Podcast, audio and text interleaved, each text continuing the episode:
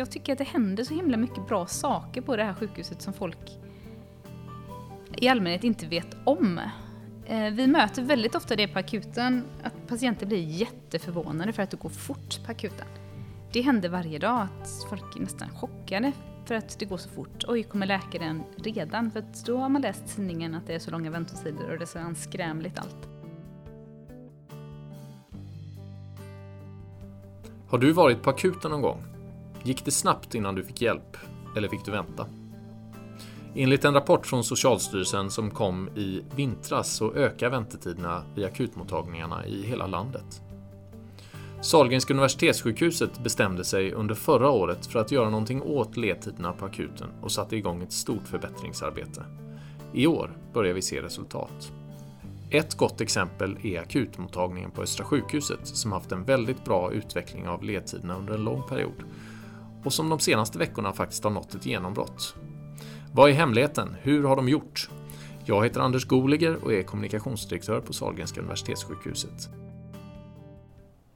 Emma Lukic, välkommen hit till Sahlgrenska podden.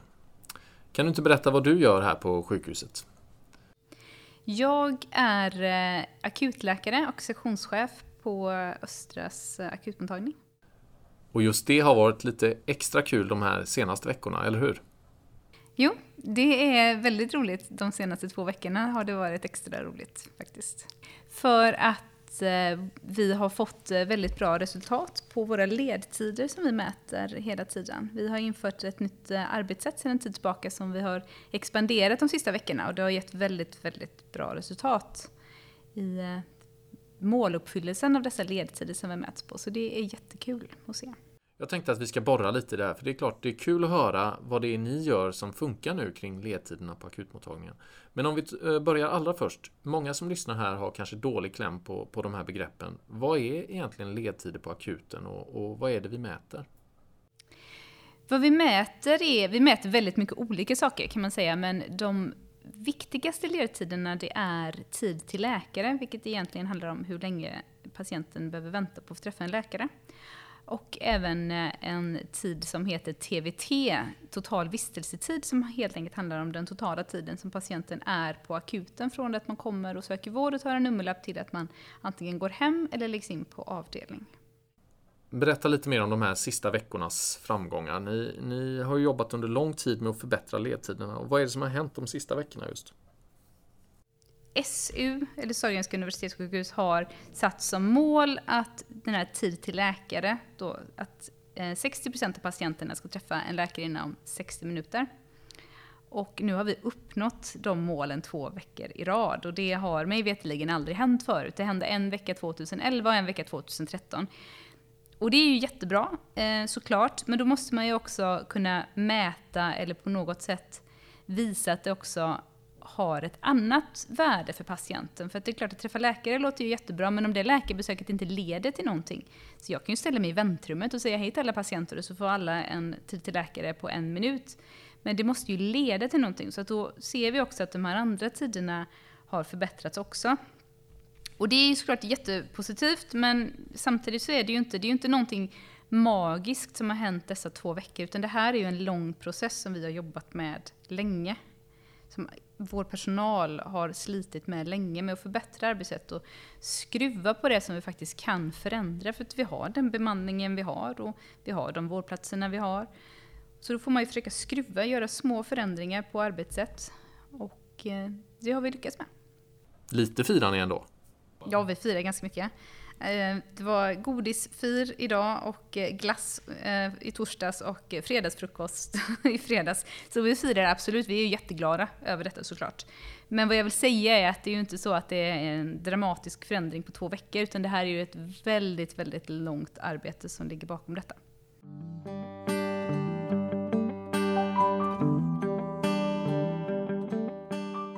Vad vi har gjort, det är att vi har infört någonting som kallas för primär teambedömning som egentligen handlar om att du flyttar fram läkarbesöket så tidigt som möjligt. Att så fort som möjligt när patienten kommer till akuten så ska man få träffa en läkare.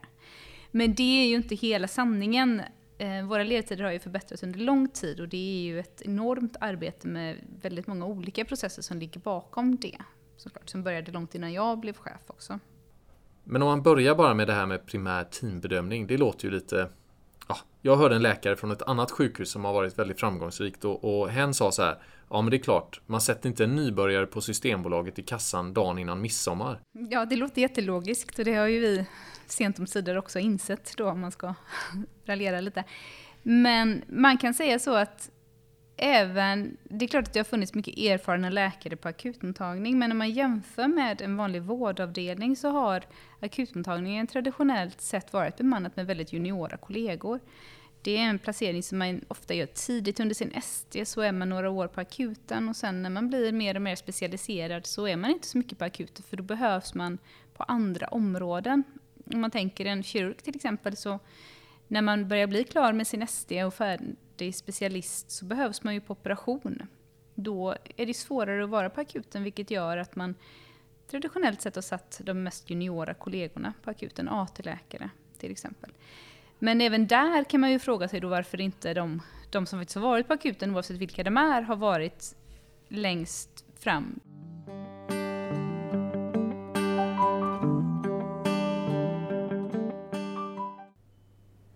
För ungefär ett år sedan bildade Sahlgrenska universitetssjukhuset ett akututvecklingscentrum med syfte att utveckla och effektivisera akutvården på våra sjukhus. Och under det gångna året har vi tagit flera kliv framåt. När vi tittar på siffrorna för hela universitetssjukhuset för perioden april 2017 till april i år så ser vi att medianen för tid till läkare har minskat med en kvart det senaste året. Alltså från en och en halv timme till en timme och en kvart. Västra Götalandsregionen har satt som mål att 55 procent av patienterna ska träffa en läkare inom en timme och vi har en bit kvar för att nå det målet. I april i år var det 40 procent av våra patienter som fick träffa en läkare inom en timme. Jämför man med april förra året är det en ökning med 4 procentenheter.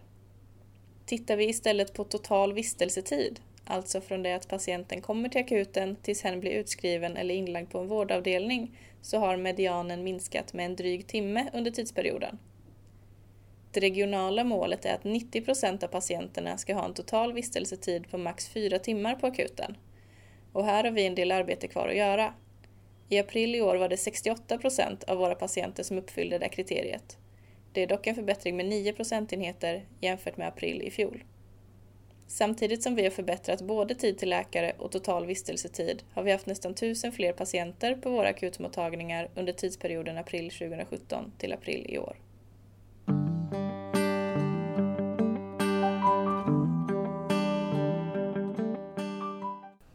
Kan beskriva en dag jag förstår att de kan vara väldigt olika, men lite grann, vad är charmen med att jobba just på Östras akut? Charmen med att jobba på Östras akut, eller på en akutmottagning överhuvudtaget om man ska börja där, det är ju just detta att det är så olika. Det är ett sånt enormt spektrum av eh, sjukdomar och olika människor som man möter. På vår akutmottagning så kommer man ifrån att man är 16 år upp till man är över 100. Så man får träffa människor i väldigt många olika åldrar. Vissa är jättesjuka, vissa är inte så sjuka. Och den stora variationen är väldigt givande. Det blir aldrig tråkigt.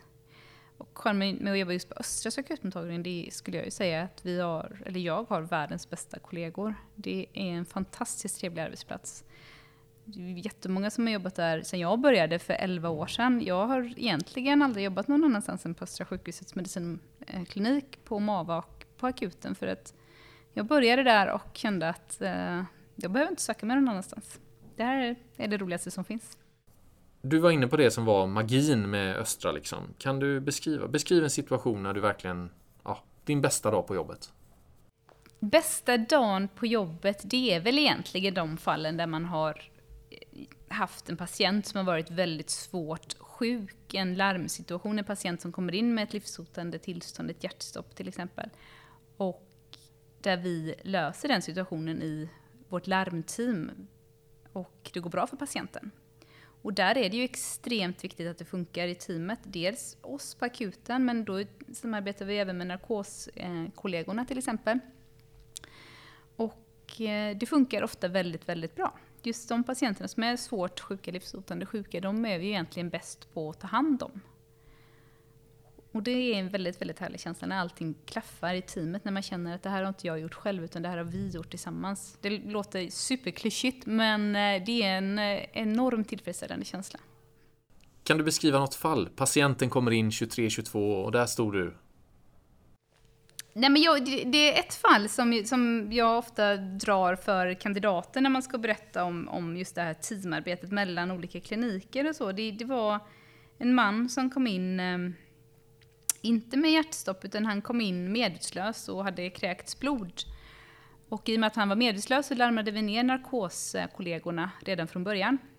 Och han, när patienten kommer in så blev han eh, sämre ganska snabbt och eh, får ett hjärtstopp eh, hos oss på akuten. Och alla visste precis vad som skulle göras. Vi behövde inte prata så mycket med varandra för att alla visste precis vad som skulle göras. Och det gick jättesnabbt och alla gjorde precis rätt i varje situation och eh, det slutade väl för den här patienten, vilket vi i efterhand var väldigt förvånade över allihopa faktiskt, för att han var så dålig så att det hade vi nog inte riktigt räknat med att, att han skulle klara sig helt ärligt. Och det var såklart en väldigt skön känsla. Det finns ju de här vårdprofessionerna och kanske gamla hierarkier. Borde vi jobba mer tillsammans? Traditionellt sett så tror jag absolut att det är så att vården har varit för dålig på det, men det här är ju ingenting som är unikt för akutsjukvården nu. Nu jobbar jag ju bara på akuten så kan jag egentligen bara uttala mig för det, men jag tror mig veta att det förekommer mer och mer även på andra ställen, att man jobbar ehm, med olika discipliner tillsammans, tätt i team, för att ge patienten den bästa möjliga vården helt enkelt.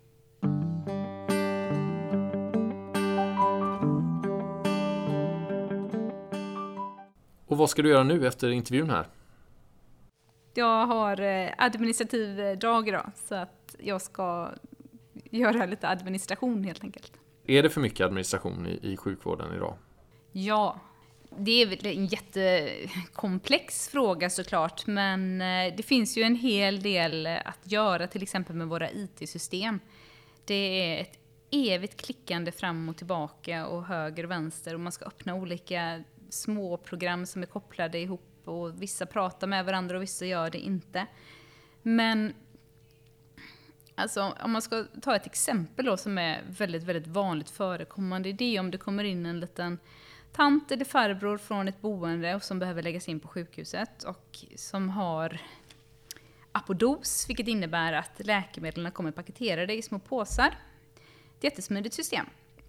Då får jag logga in i eh, det här apodossystemet för att se vilka läkemedel patienten har. Skriva ut en lista på papper och sen sitta och för hand mata in det i journalen. Och då hade man kunnat tycka att hade det inte varit jättesmart att ha ett system som pratade med varandra, att man kunde trycka på en knapp och så hämtades det in. Men det, det går inte. Och det här tar ju jättelång tid. Plus att det är ju potentiellt farligt också, för att det är ju inte sällan som det blir fel.